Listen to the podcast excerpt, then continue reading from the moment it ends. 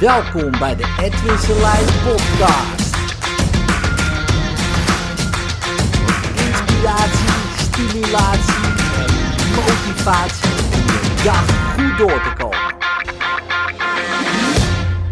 Weerstand is leerstand. Dat vond ik wel uh, een interessante benadering die ik hoorde op een podcast uh, met uh, Jan van Zetten. Um, waarin Jan dat, dat zo benoemde. Dat, dat mensen die in die weerstand zitten, dus die dus niet willen, dus die willen niet wat jij doet. Dan vraag je, oké, ja, wat wil je wel, weet je wel? Nou ja, dan zeggen ze dit niet. Nou oké, wat wel? En dan komt er energie vrij. Want weerstand is energie. En um, dat is interessant gegeven. Want als je kijkt naar um, hypnose bijvoorbeeld. Kijk, voor mij is alles hypnose. Dus weerstand is gewoon een andere vorm van hypnose. En uh, ik hoorde een keer uh, Bendler zeggen van ja, uh, weerstand bestaat niet, er zijn alleen slechte therapeuten. En dacht ik, ja, dat is wel een interessante. Want als jij dat zo gaat bestempelen, dus iemand zit in de weerstand, dus met andere woorden, hij doet niet wat jij zegt, hè, want daar komt het op neer. Jij wil iets en iemand anders wil het niet. En dan zeg je, ja, maar hij heeft weerstand. Maar ja, misschien wat jij vraagt van diegene, uh, slaat nergens op of uh, werkt niet. Of misschien moet je het anders vragen uh, of op een andere manier meebewegen. zodat diegene wel gaat doen wat jij zegt. Want daar komt het eigenlijk op neer. Dan kan je zeggen, ja, maar dat is voor zijn of haar best wil. Nou ja, dat bepaal jij dan op dat moment. blijkbaar niet, want anders gaat iemand niet in de weerstand. Dus blijkbaar is op dat moment dat het beste voor die persoon. Ja, en dat is een hele andere manier van denken natuurlijk. Dan uh, te denken van ja, maar hij zit in de weerstand en hij wil ook niks, weet je wel, en zo. Uh, maar het is wel een energie. Weet je wel? Het is wel een energie. Kijk, het is beter als iemand. Kijk, je hebt ook mensen die. daar zit helemaal niks in. En er zit niet eens energie in, lijkt wel. En natuurlijk is dat niet zo, want in de mens zelf zit genoeg energie. He, maar zo lijkt het dan, hè? dat ze helemaal, jezus, is helemaal uitgeblust voor zich uit zitten te kijken. Om die mensen in beweging te laten komen, ja, is vaak veel lastiger dan mensen in de weerstand. Want die zijn al in beweging, of in ieder geval, ze zijn aan het verstarren. Dus, uh, dus helemaal ze schrap aan het zetten. Dus ze zijn in ieder geval bezig met iets. mensen die helemaal met niks bezig zijn, uh, dan zijn ze natuurlijk ook met iets bezig, gewoon niks. Hè, maar je snapt wat ik bedoel. Uh, dat is veel lastiger, weet je wel, om, om een kudde gewoon slapers, uh, gewoon, om die te laten bewegen. Je kan beter een kudde mensen hebben die vol in de, in de, in de anker schieten, in de weerstand. En dan denk je, hé hey man, daar zit tenminste nog wel leven in. dus uh, misschien niet dat je denkt van, hé, hey, wacht eens even. Deze mensen willen niet. Oké, prima, maar ze willen. En dat is wel een interessante natuurlijk, hè. Ze willen. Oké, het woordje niet komt erachter. Hè, maar ze willen dus niet wat jij wil of zegt of wil uitdragen of whatever. Maar ze willen wel, meestal weg dan, hè, maar ze willen in ieder geval. En je hebt ook mensen die, ja, die willen niet eens. die zitten er, ja, die zitten er gewoon. Hè. Dus, um, dus ik heb liever altijd mensen, zeg maar, in een spreekwoordelijke weerstand dan. Ook in therapie. Als mensen zich helemaal schrap gaan zetten om wat ik zeg. Ik, ik zorg, ja, ik zoek het vaak op, die weerstand omdat ik weet, kijk, dan gebeurt er wat. Kijk, als ik gewoon een, een, een, een lulpraatje afhoud, wat ik prima kan natuurlijk. En voor de mensen die mijn podcast luisteren, die weten heus wel. Hè, gooi er een, uh, een kwartje in en dan komt een, uh, een 5 euro biljetje komt er vanzelf al uitgerold uh, ergens. Dus um, dat gaat prima. Maar ik weet ook, daarmee kan je iemand helemaal in slaap lullen natuurlijk. Ja, dan ga je zelf maar eens na. Dat is ook een overlevingsstrategie. Ja, want uh, misschien herken je het wel. Dat je ooit eens in de kroeg stond, of misschien sta je er nog steeds wel. En dan komt iemand naar je toe. En begint te praten. Je hebt helemaal geen zin om te praten. Dus wat gebeurt er? Je vlucht in je eigen gedachten, in trance noem ik dat. Je vlucht in hypnose. Gewoon oh, in, je happy place, zeg maar, zoals mijn trainer zou zeggen.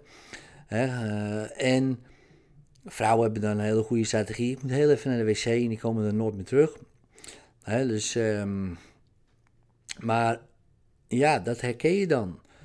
Weet je wel, je vlucht gewoon in, in trance. Uh, en als dat gebeurt, dan, ja, dan, komt het ook niet meer binnen. En dan zit er ook geen energie meer in. Dus, uh, dus in therapie zie je dat heel snel gebeuren. Dat mensen, als ze het herkennen, dat is het vaak, gaat die mind gaat op slot, de mind closed, dus die komt niks meer binnen. en dan hummen ze een beetje en dan uh, vallen ze een beetje in slaap. Nou, als dat je doel is, dus, uh, dan is prima. Milton Erickson, hypnotherapeut uit vorige eeuw, die bracht iedereen uh, lullend in slaap. Maar die deed het op een geniale manier, zodat mensen uh, onbewust zo werden geprikkeld dat ze toch datgene gingen doen wat zij graag wilden doen. En dus hij kreeg ze toch in beweging. Door middel van uh, hypnose. En vooral suggesties en verhalen en metaforen. Nou, dat is natuurlijk geniaal. Dus dan was het juist het doel om iemand in slaap te brengen, zeg maar. Slaap tussen haakjes natuurlijk, hè, in trance en hem een beetje te laten afdwalen op een paar van die onzinnige verhalen of zo. Tussen haakjes onzinnig, want het had zeker zin.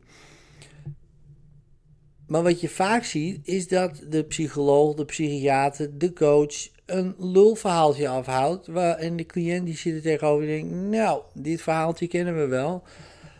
We gaan even rustig het stoeltje achterover. Of in ieder geval in je hoofd. Oh, stoeltje achterover. En ik wacht wel tot diegene klaar is.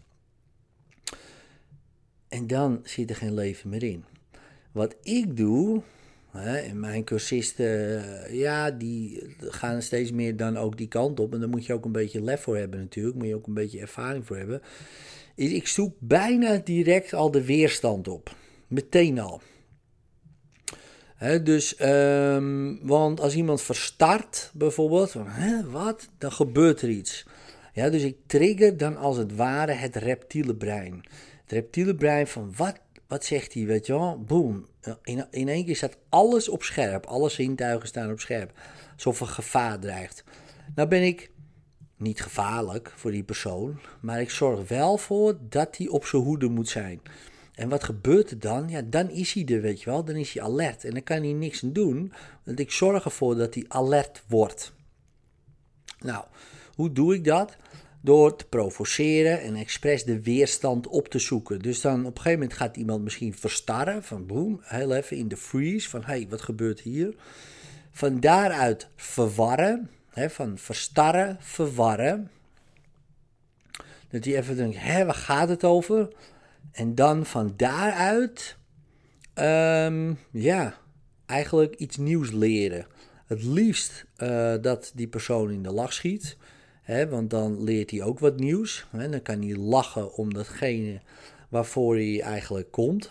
dus zijn probleem. Dat is mijn ja, doel een beetje. ik wil zelf ook een beetje leuk houden, mijn werk. dus, uh, maar goed, dat lukt natuurlijk niet altijd. Dat snap je zelf ook wel. maar waar kan dan? Eh, maar in ieder geval wil ik dat er energie vrijkomt. Dus ik ga juist die weerstand, hè, wat mensen zeggen, oh jij zit in de weerstand, dan denk ik lekker. Ik wil die persoon daar juist hebben. ik wil juist dat hij in de weerstand gaat. Ja, en dat hij net niet wegloopt. Ja, net niet. En dat is natuurlijk heel glad ijs. En uh, daar moet je ook een beetje lef voor hebben.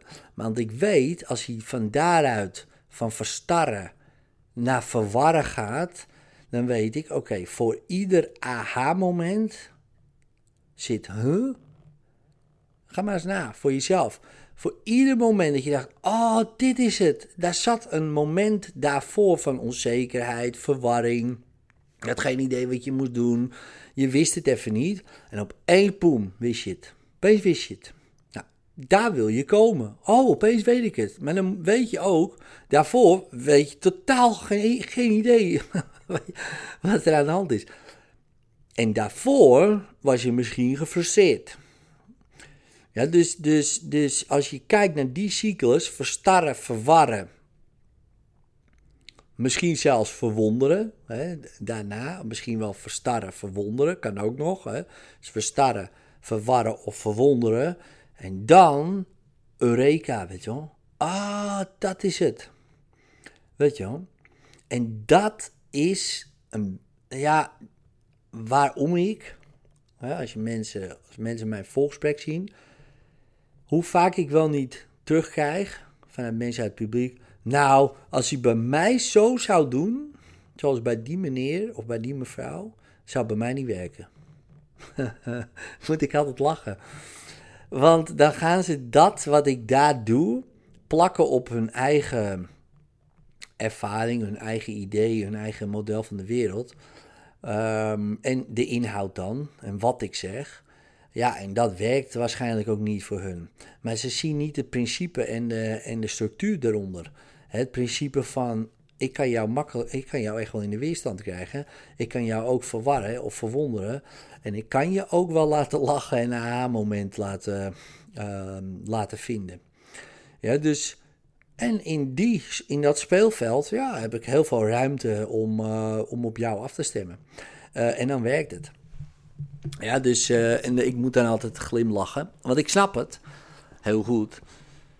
Um, hè, als je kijkt naar de inhoud. Maar als je kijkt naar het proces.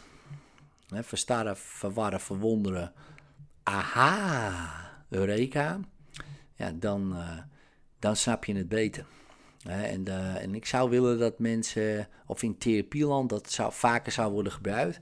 Ik denk dat de sessies dan een stuk sneller en effectiever uh, zullen zijn. Goed, dit was mijn rant. Later.